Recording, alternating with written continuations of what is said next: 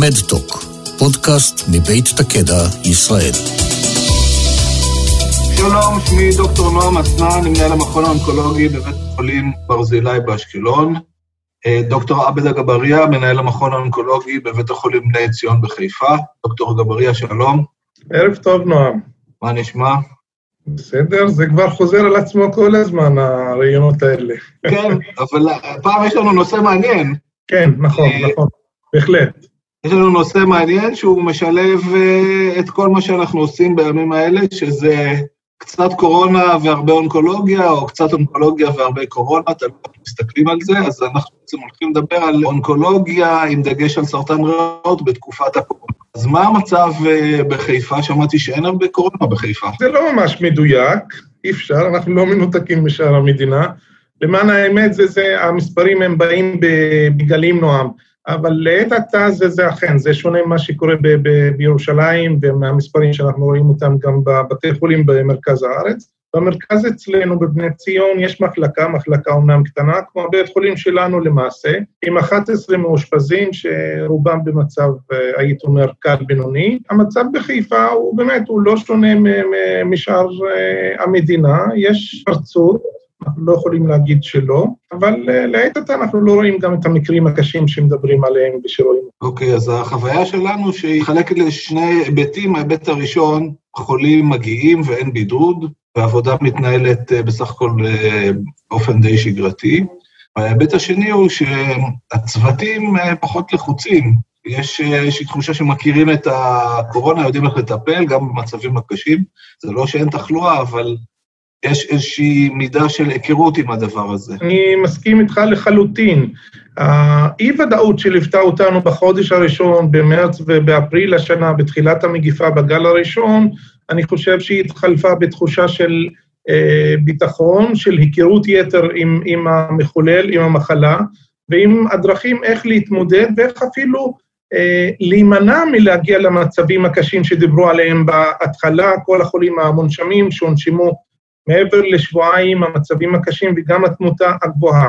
ולכן לדעתי היום, חמישה חודשים אחרי, אנחנו ערוכים יותר טוב, הידע שלנו הוא יותר טוב, גם מבחינת ציוד ומבחינת כוח אדם הייתי אומר שאנחנו מוכנים היום בצורה יותר טובה, למרות שבבוקר קראתי, לצערי הרב, שמאז הגל הראשון, התוספת בכוח אדם היו רק 20 רופאים חדשים מאז ההתפרצות של הקורונה, משהו מספר כזה, למרות כל ההבטחות, וזה משהו מאוד מאכזב, זה משהו, אתה יודע, אנחנו יכולים להתכונן עד מחר בבוקר איך למנוע ואיך להתמגן ולשים, אתה יודע, כל ההנחיות לצוותים הרפואיים, אבל ברגע שאין לך כוח אדם מספיק, אתה באמת לא מתגבר, אז אני חושב שאנחנו נקרוס מהר מאוד. במיוחד שחלק גדול מהצוותים הרפואיים חייבים להיכנס מדי פעם לבידוד אה, כזה או אחר בגלל חשיפה עם חולים מאומתים. נכון.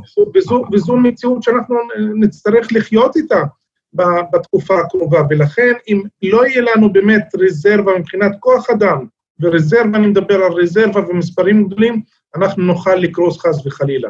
אה, אני מסכים איתך, מספרים בלתי נתפסים. בהחלט, אנחנו, אנחנו צריכים להסתכל על זה, ב, לדעתי, בכמה מישורים. אנחנו עברנו את המישור של המחלה האקוטית והבהלה הראשונה, ואתה יודע, והתמונות שקיבלנו ב, ב, בערוצי הטלוויזיה, גם מארצות הברית, גם מאיטליה, אה, קוברים אנשים במאות ובהמונים. אנחנו עברנו את הפאזה הזאת, נכון.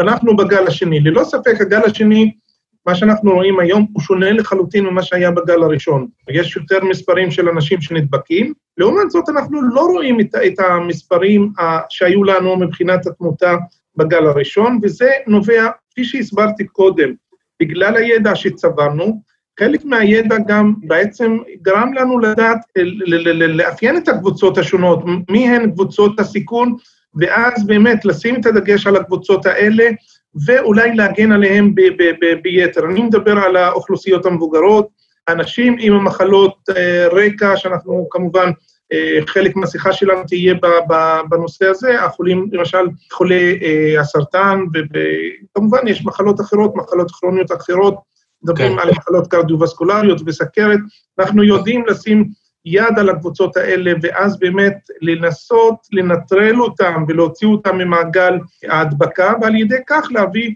לירידה בתמותה. אבל נקודה אחת מאוד מאוד חשובה, נועם. אנחנו כבר חדשים בסיפור סיפור. הזה, והסיפור הזה הולך ללוות אותנו כנראה, לצערי הרב, אני אומר, לא רק חודשים אלא שנים, זה לא הולך להיעלם. הדבר הזה יודע גם לעבור מוטציות, לטוב ולרע. אני לא יודע לאיזה כיוון המוטציות הבאות יהיו בחורף, אבל הדבר הזה יודע לעבור מוטציות. ולכן, מבחינת מניעה והתמגנות, אני חושב שכחברה אנחנו הגענו למקסימום. הגענו למקסימום, כמה אתה יכול להגיד לאנשים להתמגן, ללכת עם מסכות, לשמור מרחק, התקהלויות, כל הדברים האלה, אני חושב שזה און-אוף וזה תלוי עונה ותלוי הרבה דברים, אז בקיץ היה מאוד קשה לאכוף את זה, אבל זה מחייב אותנו ומחייב את האנשים שאחראים על הבריאות שלנו, לפתוח קצת את המוח, שיש מחלה חדשה שישנה, לא רק ב-ICD-9, לא רק באבחנות הרפואיות, אלא עוד מחלה כגורם תמותה. אני רוצה לתאר לעצמי, לפני 50-60 שנה לפני שהיה כל העלייה במספרי התחלואה בסרטן, אם היו באים ואומרים, תקשיבו, מחלת הסרטן זו מחלה שכל שנה, בוא נגיד בארץ יהיו 30-40 אלף מקרים חדשים, ומי שאמון על הבריאות שלנו אומר, תקשיבו, אני לא יכול, לא יכול להתמודד עם זה, אני לא יכול. אז היום בדיוק זאת הנקודה. צריך פשוט להתחיל להתכונן, לפתוח מחלקות חדשות, לגייס אנשים, ושיהיה כוח אדם, כי אנחנו לא יכולים למנוע את המחלה הזאת, וזו נקודה מאוד חשובה, אחרת לא נוכל להתמודד עם, עם המספרים האלה. אוקיי, okay, כמו שאומרים, uh, having said that, uh, בואו נדבר על uh, משהו יותר מעניין, על אונקולוגיה. הדבר הראשון הוא, האם אתה מנחה את החולים שלך, בואו נדבר על החולים הפעילים, האנשים המאובחנים כבר, האם אתה מנחה אותם להתנהג בצורה אחרת? אז כמובן החולים שלנו, חולי סרטן בכלל וחולי סרטן ריאות בפרט, הם באמת קבוצת סיכון, קבוצת סיכון שיכולה גם להידבק יותר משאר האוכלוסייה, וברגע שנדבקים אז הסיבוכים, ואנחנו יודעים את זה על סמך אה, נתונים שהגיעו מאיטליה, מסין, שהסיבוכים הם יותר גבוהים, ולכן אנחנו חייבים לשמור על החולים שלנו. החולים שלנו בסיכון יתר, הן בגלל המחלה עצמה, שאתה יודע, המערכת החיסונית שלהם מאוד מוחלשת בגלל המחלה, וחלק גדול מהחולים שלנו מקבלים גם טיפולים כימותרפיים שגם מחלישים את המערכת החיסונית, ולכן הם יותר פרונס פשוט להידבק ולהסתבך ברגע שהם אה, נדבקים. ולכן ההנחיה שלנו, קודם כל, במצב שלנו כיום בארץ, שיש בעצם, יש הדבקה, אבל אנחנו עדיין מבחינת מערכות בריאות, בתי חולים, אנחנו עומדים בקצב, אנחנו, הייתי, הייתי אומר אפילו שהבתי חולים היום הם הרבה יותר סטריליים למען האמת מאשר בחוץ, כי אנחנו באמת נוקטים צעדים, צעדי מנע וצעדים מאוד דרסטיים בשביל למנוע אה, הדבקה והעברה. ולכן לגבי החולים הפעילים, אנחנו ממליצים להם כמובן על מיגון פי כמה מאשר מהחולים, מהאנשים הרגילים. אה, מדגישים גם ההתנהגות שלהם ביום-יום, כי הסיכוי שהם יחטפו את הווירוס בחוץ הוא הרבה יותר גבוה מאשר אצלי במחלקה, ולכן אפילו השימוש בתחבורה הציבורית ברגע שיוצאים מהבית. אה, אני ממליץ, מתקשרים אליי, אני ממליץ למטופלים שלנו באמת להיות בסוג של אה, הסדר, שלא יצאו, שלא ייפגשו עם אנשים בתקופה הזאת. נכון, יכול להיות שאני קצת מגזים, אבל, אבל אני, אני כן ממליץ לחולים, במיוחד שמקבלים כימותרפיה בשבוע הראשון, באמת להיות בסוג של בידוד, לא לבוא במגע עם הרבה אנשים, לא להתקהלויות בוודאי, אה, רק דברים חיוניים בחוץ. וכמובן, עד עכשיו אנחנו לא דחינו טיפולים ולא לא, לא, לא, לא תמכנו בתחייה של טיפולים, נועם, כי הטיפולים שאנחנו נותנים, במיוחד, כל הטיפולים שלנו היום, רובם, הם מעריכי אה, תוחלת חיים, יש להם חשיבות, הם משפרים את איכות החיים, ואנחנו אה, נותנים את זה בסביבה שהיא מוגנת, בסביבה אה, עובדים לפי ההנחיות הבינלאומיות המקובלות וההנחיות של משרד הבריאות, ולכן אנחנו מעודדים את החולים שלנו כן להגיע לטיפולים ולא לדחות אותם, אלא אם יש איזושהי סיבה רפואית שבגללה חייבים לדחות. אז אני רוצה להציג לך, אתה יודע, דיברנו על זה, נתונים שעוד לא פרסמנו, אבל uh, אני חושב שאני יכול להגיד אותם באופן גלוי, אני בדקתי בשיא הגל הראשון את התחלואה בקורונה בקרב uh, איזשהו מדגם בקופת חולים מאוחדת, וגיליתי שמתוך, uh, היו שם כמה אלפי חולים, האחוז של החולים שהייתה להם מחלת סרטן פעילה, הוא פחות מחצי אחוז היה. המספר היה מאוד קטן, המספר היה תכלס שישה, הראיתי לך את הנתונים, עוד פעם, הם, לא, הם לא פורסמו, אבל שישה חולים במחלה פעילה. כל שאר האנשים שהיה להם גם קורונה וגם איזשהו הקשר של סרטן, היו אנשים בעצם אה, רגילים, מחלימים, אנשים במעקב, אנשים שהיה להם סרטן לפני הרבה מאוד שנים, אז uh, אני באיזשהו מקום, uh, לא שנרגעתי, אבל הנתונים אמרו לי, אוקיי, התחלואה המסיבית היא לא באוכלוסייה שבה אני מטפל באופן יומיומי. Uh, אגב, הצלבתי את זה בינתיים עם uh, קולגה שלנו משיבא, ושם, נכון לחודשיים אחורה, היו רק, uh, בית חולים גדול, אחד הגדולים בארץ, שבעה חולים אונקולוגיים עם קורונה. שמעת דברים אחרים מאז לגבי הסטטיסטיקה?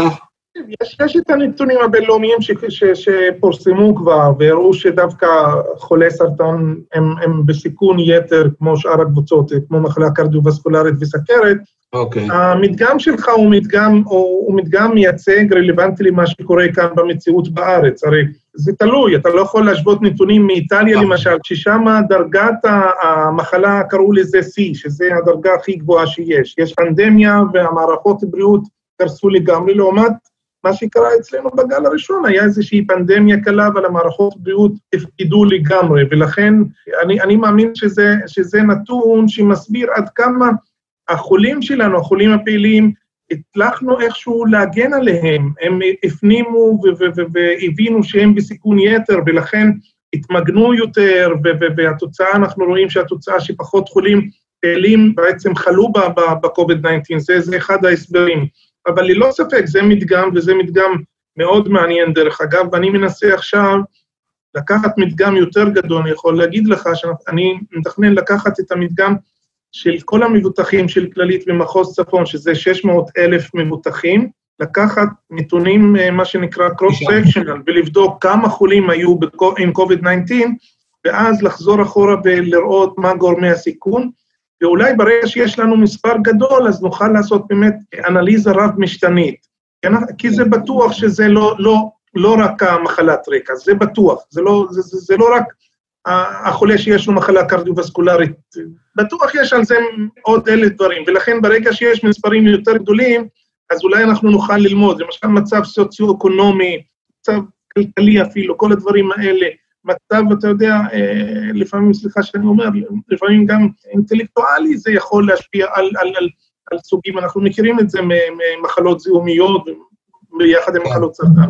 ולכן הנתונים שהצגת הם מעניינים, הם חשובים, אבל צריך פשוט לראות את זה בהיקף יותר גדול. עדיין אני חושב שהחולים שלנו הם מיועדים יותר לפורענות ולחלות במחלה הזאת. אה, רציתי בכל זאת להוציא או לבדוק איתך האם מסר כזה הוא נכון בעיניך, אם אני משלב אה, נתונים של הדבקה נמוכה בבתי חולים בגלל ההתנהגות הארגונית, גם של החולים, גם של הצוותים, פלוס הנתון הזה שאני התרשמתי ממנו שחולי סרטן מבחינה כמותית הם לא מסה מאוד גדולה, ואם אנחנו מחברים את שני הנתונים האלה, אפשר להגיד שבן אדם עם מחלת סרטן, עם סרטן ריאות פעיל, שצריך לבוא לבית חולים ולשבת בחדר עם עוד אנשים, תוך כדי אה, הקפדה על מסכה ומרחק, בן אדם כזה הוא לא בסיכון אה, מאוד גבוה לחלות בקורונה בגלל זה שהוא חולה סרטן.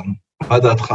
אני חושב, ברגע שמתמגנים בצורה נכונה ו- ו- וכמו שצריך, אנחנו יודעים היום איך הווירוס מועבר, איך אפשר להתמגן, ברגע שאתה מתמגן בצורה טובה, שומרים על מרחק של שני מטר, מסכה, אפילו עם, עם משהו לעיניים, אפילו הייתי אומר, כי חלק מההדבקה יכולה גם לקרות דרך, לעבור דרך העיניים. אני חושב מיגון טוב, שמירה על מרחק, שטיפת ידיים, ואתה בסביבה שהיא בטוחה, אין כמובן בטיחות של 100% כמו כל דבר כן. אחר בחיים, אבל ללא ספק אני שלם עם זה שהחולים באים, שהחולים, כמובן אנחנו, החובה שלנו לשמור על סביבה באמת סטרילית עד כמה שניתן, החובה שלנו כצוותים גם לשטוף ידיים ביתר אפילו, הייתי אומר, בין חולה לחולה, בין, בין אה, אפילו אם נוגעים במשטח, אז באמת לנקות הידיים ולחטא את הידיים, אנחנו גם, זה, זה חובתנו. חובתנו גם לחלק את החולים בצורה טובה, ככה שלא יצטברו חולים, אתה יודע, אחד על השני, כמו בימים הטובים, כמו בכל המכונים האונקולוגיים. אם אנחנו נוכל לשמור על סדרי עבודה בצורה כזאת, עם, עם, עם הקפדת יתר, אז אני חושב אה, שהחולים שלנו יכולים להיות בטוחים שרוב הסיכוי לא, לא יקבלו, לא, לא יידבקו בווירוס כן. כתוצאה מהביקור אצלנו. אפילו בבני ציון אנחנו חשבנו, קראנו לזה המסלול הירוק. המסלול הירוק זו, אוקיי. עמדה, זו עמדה שברגע שהחולה מגיע אפילו לשער, מחטאים ידיים, קלקים להם את המסכות ונכנסים במין, אה, זה, זה אותו מסלול, אבל אתה יודע, זה, זה עם תחושה כזאת שבאמת, אה, שמקפידים יתר על החולים האלה בשביל באמת לשמר אותם עד כמה שניתן. זה רעיון שאנחנו, אני מקווה שנמשיך ליישם אותו. זה, זה יפה, אז מה תעשו עם הספירת דם שאנשים צריכים לעבור? אנחנו משתדלים שרוב החולים יעשו את הספירות יום לפני. בקהילה, הבנתי. אז זה הצעה למודל העבודה. בבתי חולים הגדולים לא כל החולים מנוהלים יום קודם, אבל... אה, נכון, אנחנו, אנחנו סך הכל יחידה קטנה, בית חולים קטן, אינטימי, זה שונה לגמרי מאשר שאתה נכנס לבית חולים שיש בו כל יום 150-200 טיפולים, העומס שונה, החלוקת עבודה שונה. אה, יכול להיות שזה מודל שאפשר להציע באופן אה, פרוספקטיבי, גם לגדולים. יכול להיות, רעיון, רעיון טוב, רעיון טוב למען האמת, זה, זה, אתה יודע, זה לא כן. דווקא רלוונטי לימי הקורונה, זה, זה, זה רלוונטי דווקא למקומות הגדולים, כי זה חוסך המון זמן, החולה מגיע, יש לו ספירה, אז, אז, אז הוא נפגש עם הרופא, עם האחות באותו יום, ויכולים כן. לאשר ולהתחיל טיפול אה, תוך, בלי לחכות, אתה יודע, לספירה וכל התהליך הזה, שזה לוקח שעה וחצי, שעתיים כמעט, אז אתה יכול לחסוך לחולה שעתיים כמו כלום ברגע שהחולה מגיע עם ספירה, ואם בכלל זה טיפול גדול בשלושה שבועות והוא מגיע עם הכימיה, אז בכלל גמרת, כאילו, אתה... בדיוק. כן. יצא לך לדחות למישהו טיפול או לבטל למישהו טיפול בגלל חשד לקורונה? לנו לא היה אף חולה של קור... אה, עם, עם קורונה מאומת, לא היה. אבל אוקיי. עוד פעם, בשבועיים השלושה הראשונים, למען האמת, נועם, כמו בכל העולם, היה סוג של בהלה, של פאניקה, שלא ידענו גם איך לתפקד בצורה, אתה יודע, בצורה בטוחה. פחדנו, היה חוסר ידע, והרבה פעמים היה גם בלבול בקרב הצוות, בקרב uh, החולים. כן. הרבה חולים גם התקשרו מבוהלים וזה, אז בהתחלה, בוא נגיד שבועיים ראשונים, היו כמה דחיות, מסיבות שהיום אני מסתכל עליהן, זה לא סיבות מוצדקות, אבל כמו שגם אנחנו התנהגנו, לא ידענו איך אה, להתנהג בחוץ. אוקיי, okay, אז אם אמרת אה, חרדה שלנו, חרדה של החולים, אתה חושב שהחרדה ירדה באופן כללי? כי התחושה שלי שכן. אפילו אתה יודע, אם, אם ללכת עם זה יותר רחוק, היה סוג של ריבאונד, אה, אנשים באופוריה של אה, יצאנו מזה. לא, אני לא, לא, לא קורא לזה אופוריה, אני קורא לזה אה, סוג של הסתגלות. הידע שלנו, כפי שהסברתי בהתחלה, אה, הוא פי כמה יותר טוב ממה שהיה קודם, ואני חושב ידע זה כוח. ברגע שיש לך ידע, אז אתה לא פוחד. כן. ידע זה כוח. אז יש לך ביטחון, אתה יודע להתנהל, אתה יודע איך להתנהג, ואתה יודע איך לטפל ב, ב, ב, בסוגיות השונות. לא סוג, לא, אולי ריב, ריבאונד אולי לא המילה, ואתה יודע, אופוריה זו לא המילה, אבל היה, היה, כן. אה, היה סוג של, אתה יודע, אתנחתא כזאת, עברנו תקופה באמת מלחיצה, והסגר הראשון, וזה היה משהו שאף פעם לא, לא, אתה יודע, לא חווינו, לא, לא אנחנו ולא אפילו האנשים הזקנים מאיתנו. כן, הזקנים. למרות שנתקלתי, אתה יודע, באישה אחת, שחוותה את המגפה של, אה, של תחילת המאה, והיה פרסום כזאת, והחלימה ממנה, ועכשיו החלימה מקורונה. יפה, אבל יפה. זה ככה אנקדוטה. יפה, יפה, ולכן אני חושב שבשלב הזה, בגל הזה, יש יותר, יותר ידע, יש יותר ביטחון במה שאנחנו עושים, למרות כאילו כל מה שמשדרים בערוצי הטלוויזיה והבעלות, אבל אנחנו יודעים היום יותר מה אנחנו עושים, איך אנחנו נתמודד, אבל גם מה שהזכרתי בהתחלה, בתנאי שמי שאחראי עלינו מלמעלה ימשיך לתמוך בנו, ולא, ולא יגידו, עם מה שיש תסתדרו, כי אין, אין חיה כזאת. אנחנו, אנחנו חייבים עוד הרבה תוספת כוח אדם, למרות שאנחנו נראים אה, יפים ומחויכים היום, אבל אני לא רוצה בחורף שנראה עלובים ועייפים ושנינו נהיה בבידוד ואז אין מי שיחליף אותנו. ללא ספק צריך להתכונן לזה, ללא ספק הגל הזה לימד אותנו שהמחלה הזאת הוכיח, הגל השני הוכיח שהמחלה היא מחלה שהולכת ללוות אותנו הרבה זמן, תהפוך להיות מחלה כרונית, עשויה להשתנות מעונה לעונה, מחודש לחודש, בתנאי מזג אוויר כאלה ואחרים, ממדינה למדינה, מאוכלוסייה לאוכלוסייה, ולכן צריך הרבה, באמת, כאילו, מעבר לזה ש, שעובדים ורוצים לפתח חיסון וכאילו תולים בזה תקוות, אני אומר, חיסון זה חיסון, כמו החיסון שמקבלים לשפעת העונתית, אז זה, זה, זה, זה לא יפתור את הבעיה, זה יכול להקל, זה יכול למתן. אה, אמרת את זה, אז יש לי שתי שאלות, שאני לא יודע אם יש תשובה. שאלה אחת, אה, זה נושא של guidelines. האם יש קווים מנחים אצלנו, אה, ואני ראיתי של כמה ארגונים, אבל האם יש קווים מנחים של איגודים אונקולוגיים לטיפול בתקופת הקורונה? אה, ואם כן, אם אתה מסכים לכל מה שכתוב שם.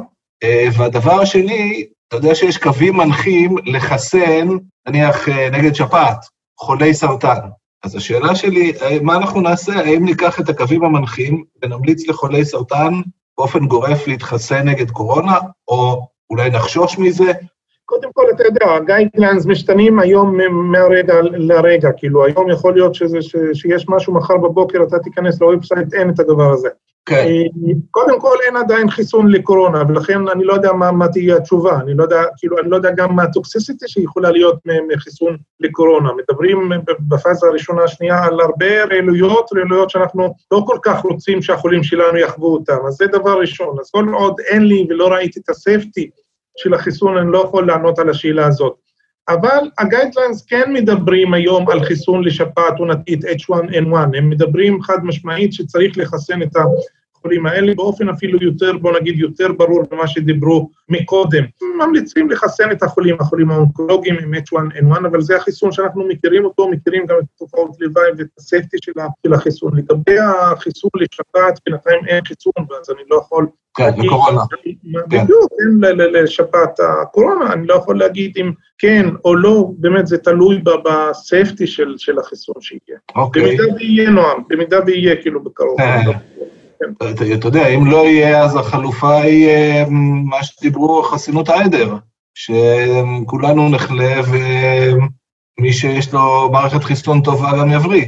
שזה גם, אתה יודע, אתה, אתה קורא מאמרים על שמאל וימין, בחלק מהמאמרים אומרים כאילו שבדקו אוכלוסיות שלמות שנחשפו אז 1 אחוז, אחוז האנשים שהיו חיוביים לנוגדנים, ובחלק מה, מהאוכלוסיות, כאילו במדינות אחרות היה להם מעל 50 אחוז, אז יש דיווחים באמת שזה 50 אחוז חסינות עדר, וברוב האוכלוסיות זה 1 אחוז, ולכן גם הנושא הזה של אה, חיסון עדר, אני לא יודע עד כמה אפשר לבנות עליו. צר לי לאכזב, כאילו עד עכשיו אין חיסון, אין חסינות עדר, וכנראה ששני הדברים היחידים שיכולים לעזור לנו זה באמת מניעה על ידי התמגנות וכל ההנחיות שאנחנו מכירים אותן, מקווה שאנחנו מיישמים אותם. והדבר השני זה המוכנות של מערכת הבריאות, מערכת הבריאות ומי שאחראי עלינו, הם צריכים להפנים שזה עידן חדש, זו מחלה חדשה. יש חולים חדשים, וצריך פשוט להרחיב את השירותים, אין מה לעשות, ואנחנו נדע להתמודד עם זה, כפי שהתמודדנו גם עם דברים אחרים כרוניים, אין מה לעשות. אז אני, אני אשים את מה שאתה אומר בשני מונחים, אז המונח הראשון זה אקרדיטציה, להתנהג כמו שצריך לפי אקרדיטציה, אה, זה הדבר הראשון. הדבר השני, זה, גם על זה דיברנו, עשינו, אה, אה, אצלנו בברזילי עשינו מחקר יחד עם שתי מרצות ממכללת אשקלון, עם שאלוני עומק לצוותים שטיפלו, אנשים באמת בקו הראשון שטיפלו בקורונה, ושם אה, עלו כמה תמות שקשורות לארגון. אז התמה הראשונה הייתה התגייסות, שליחות, אה, נכונות אפילו להקרבה עצמית, להתמגן, להיכנס לתוך מחלקות הקורונה. אבל התמה הזאת התחלפה, היו אנשים שאמרו באיזשהו שלב, אה, נו, מתייחסים אלינו כאל אה, הכושי עשה את שלו, הכושי יכול ללכת, אין קורונה, מי אנחנו לא סופרים אותנו. זה בעצם שני הדברים שדיברת עליהם, באים לידי ביטוי בכל מקום, בכל בית חולים. לצערי, נועם, אני חושב שרובנו, כולנו נתקלנו ב, ב, בתחושה הזאת. יום אחרי שהקורונה הסתיימה ואנשים, מה שקראת לזה אופוריה וזה, אני קיבלתי כן. המון תלונות מהמתמחים שעשו 12-12 ועבדו 60 שעות בשבוע, אז בסופו של דבר, סליחה שאנחנו מגיעים לנושא הזה, אז ראו את המשכורת שלהם, ראו את, את, את, את הפרס שהם קיבלו בפנים. היה איזשהו חוסר הערכה. אתה, אתה יודע, בזמן שהיו זקוקים, שהמדינה וכל ה... אתה יודע, הכל, כולם היו זקוקים לאנשי הרפואה, שבאמת, אני מכיר, אני, כולם, מה, מהכי קטן במערכת עד להכי גדול, כולם התגייסו, באמת, בצורה נפלאה, אם אפשר להגיד, אפילו היה סוג של הקרבה, והלכנו, באנו לעבודה, ואתה יודע, למרות כל הסיכונים, ויום כן. אחרי ש, שזה נגמר, הם ראו, כאילו, הם ראו את התמורה שקיבלו אותה, אין מה לעשות, תמורה כספית, שהייתה באמת סוג של, אה, אתה יודע, סטירת לחי על מה, ש, על מה שהיה. ולכן אני חושב שהמחקר שלך הוא מחקר עומק והוא אמיתי, הוא, הוא משקף את המציאות, את התחושה האמיתית שלנו כאנשים במערכת הרפואה. ואני, היום, שאנחנו כבר בגל השני, אז, אז עוד פעם, אני חוזר על זה אולי בפעם השישית והשביעית והשמינית, אם המערכת לא תפנים ולא תדע שאנחנו באמת, בלי הזרמת כספים, בלי פתיחה של מחלקות חדשות, בלי השקעות במערכת הבריאות, אנחנו כן נגיע למצב שאנחנו נקרוס. לא שזה לא פתיר, זה פתיר ברגע שאתה פותח יותר מחלקות, אתה מגייס יותר צוותים, אתה, אתה מזרים יותר כסף למערכת הזאת. ולכן אפשר להתמודד, ואני מביא את הסרטן כדוגמה. מי בשנות ה-60 חשב שיהיו מחלקות ומכונים של סרטן? אתה נכנס היום לבתי חולים, זה מכונים שלמים, זה בניינים שלמים. נכון, זה השקעה, זה כסף בסופו של דבר. אני מאוד מקווה שלא נגיע למצב הזה עם הקורונה ושיהיה חיסון בשונה מהסרטן, אבל so far, אנחנו כמערכת, אנחנו כמערכת בריאות מודרנית, אנחנו צריכים כן לחשוב על התסריט הזה, שיכול להיות שאנחנו חייבים להתמודד עם הדבר הזה לעוד הרבה שנים, הדבר הזה ילווה אותנו עוד הרבה שנים, תהיה תחלואה, תהיה סיבוכים ותהיה תמותה, אבל המיתון והתוצאות הסופיות של מה, כמה אנשים ימותו וכמה אנשים, זה, זה, זה באמת תלוי במערכות הבריאות שיש לנו. החמש, חמשת אלפים מכונות הנשמה זה טוב ויפה, אבל הן צריכות אנשים שיתפעלו אותם במידה ואנחנו רוצים, וכולנו יודעים, נועם, שאין לנו את הכוח אדם הזה שיתפעל את החמשת אלפים מכונות הנשמה, ולכן מה נעשה איתם? אני לא יודע. ולכן כל עוד אין, אין באמת מחשבה מראש, אנחנו חייבים לתגבר את מערכת הבריאות, ואני מדבר על משאבים חדשים, אנחנו לא נוכל לנצח כנראה בתקופה הקרובה. אני רציתי uh, לשמוע ממך מסר אופטימי לסיום. אני שומע um, ככה לא, אני, אני חושב שכל השיחה שלנו היא רציונלית והיא אופטימית גם. היום אני, אני, מסתכל, אני מסתכל על הקורונה כעוד מחלה שנכנסה לה לרפרטואר, לחיים שלנו, כרופאים, כאנשי רפואה. אנחנו יודעים מה הדרך להתמודד, בינינו, אנחנו יודעים איך להתמודד. כן. אנחנו אומנם תלויים הרבה באחרים שבונים את מערכות הבריאות, שאחראים עלינו, שהם צריכים להפנים שמעבר לזה שאנשים יתמגנו, מעבר לזה להנחיות הכלליות של משרד הבריאות, גם אנחנו, גם המערכת עצמה צריכה להתכונן לבאות, ועוד פעם, יש עוד איזשהו נטל ברפואה, מחלה חדשה, נטל, צריך להקצות לזה משאבים, ואנחנו נתמודד עם זה, אני, אני, אנחנו נתמודד בצורה הכי טובה שיש. אני בטוח בזה. אז בכל זאת, בנימה אופטימית זאת, אני חושב שהקפנו את כל מה שרצינו לדבר, ובשם הקולגות שלנו, בשם ציבור החולים שלנו, אז uh, תודה רבה. תודה, נועם, היה כיף אה, ככה לשוחח איתך, ובאמת, הרבה בריאות לחולים שלנו, למשפחות, נחת, ושנדע ימים טובים יותר.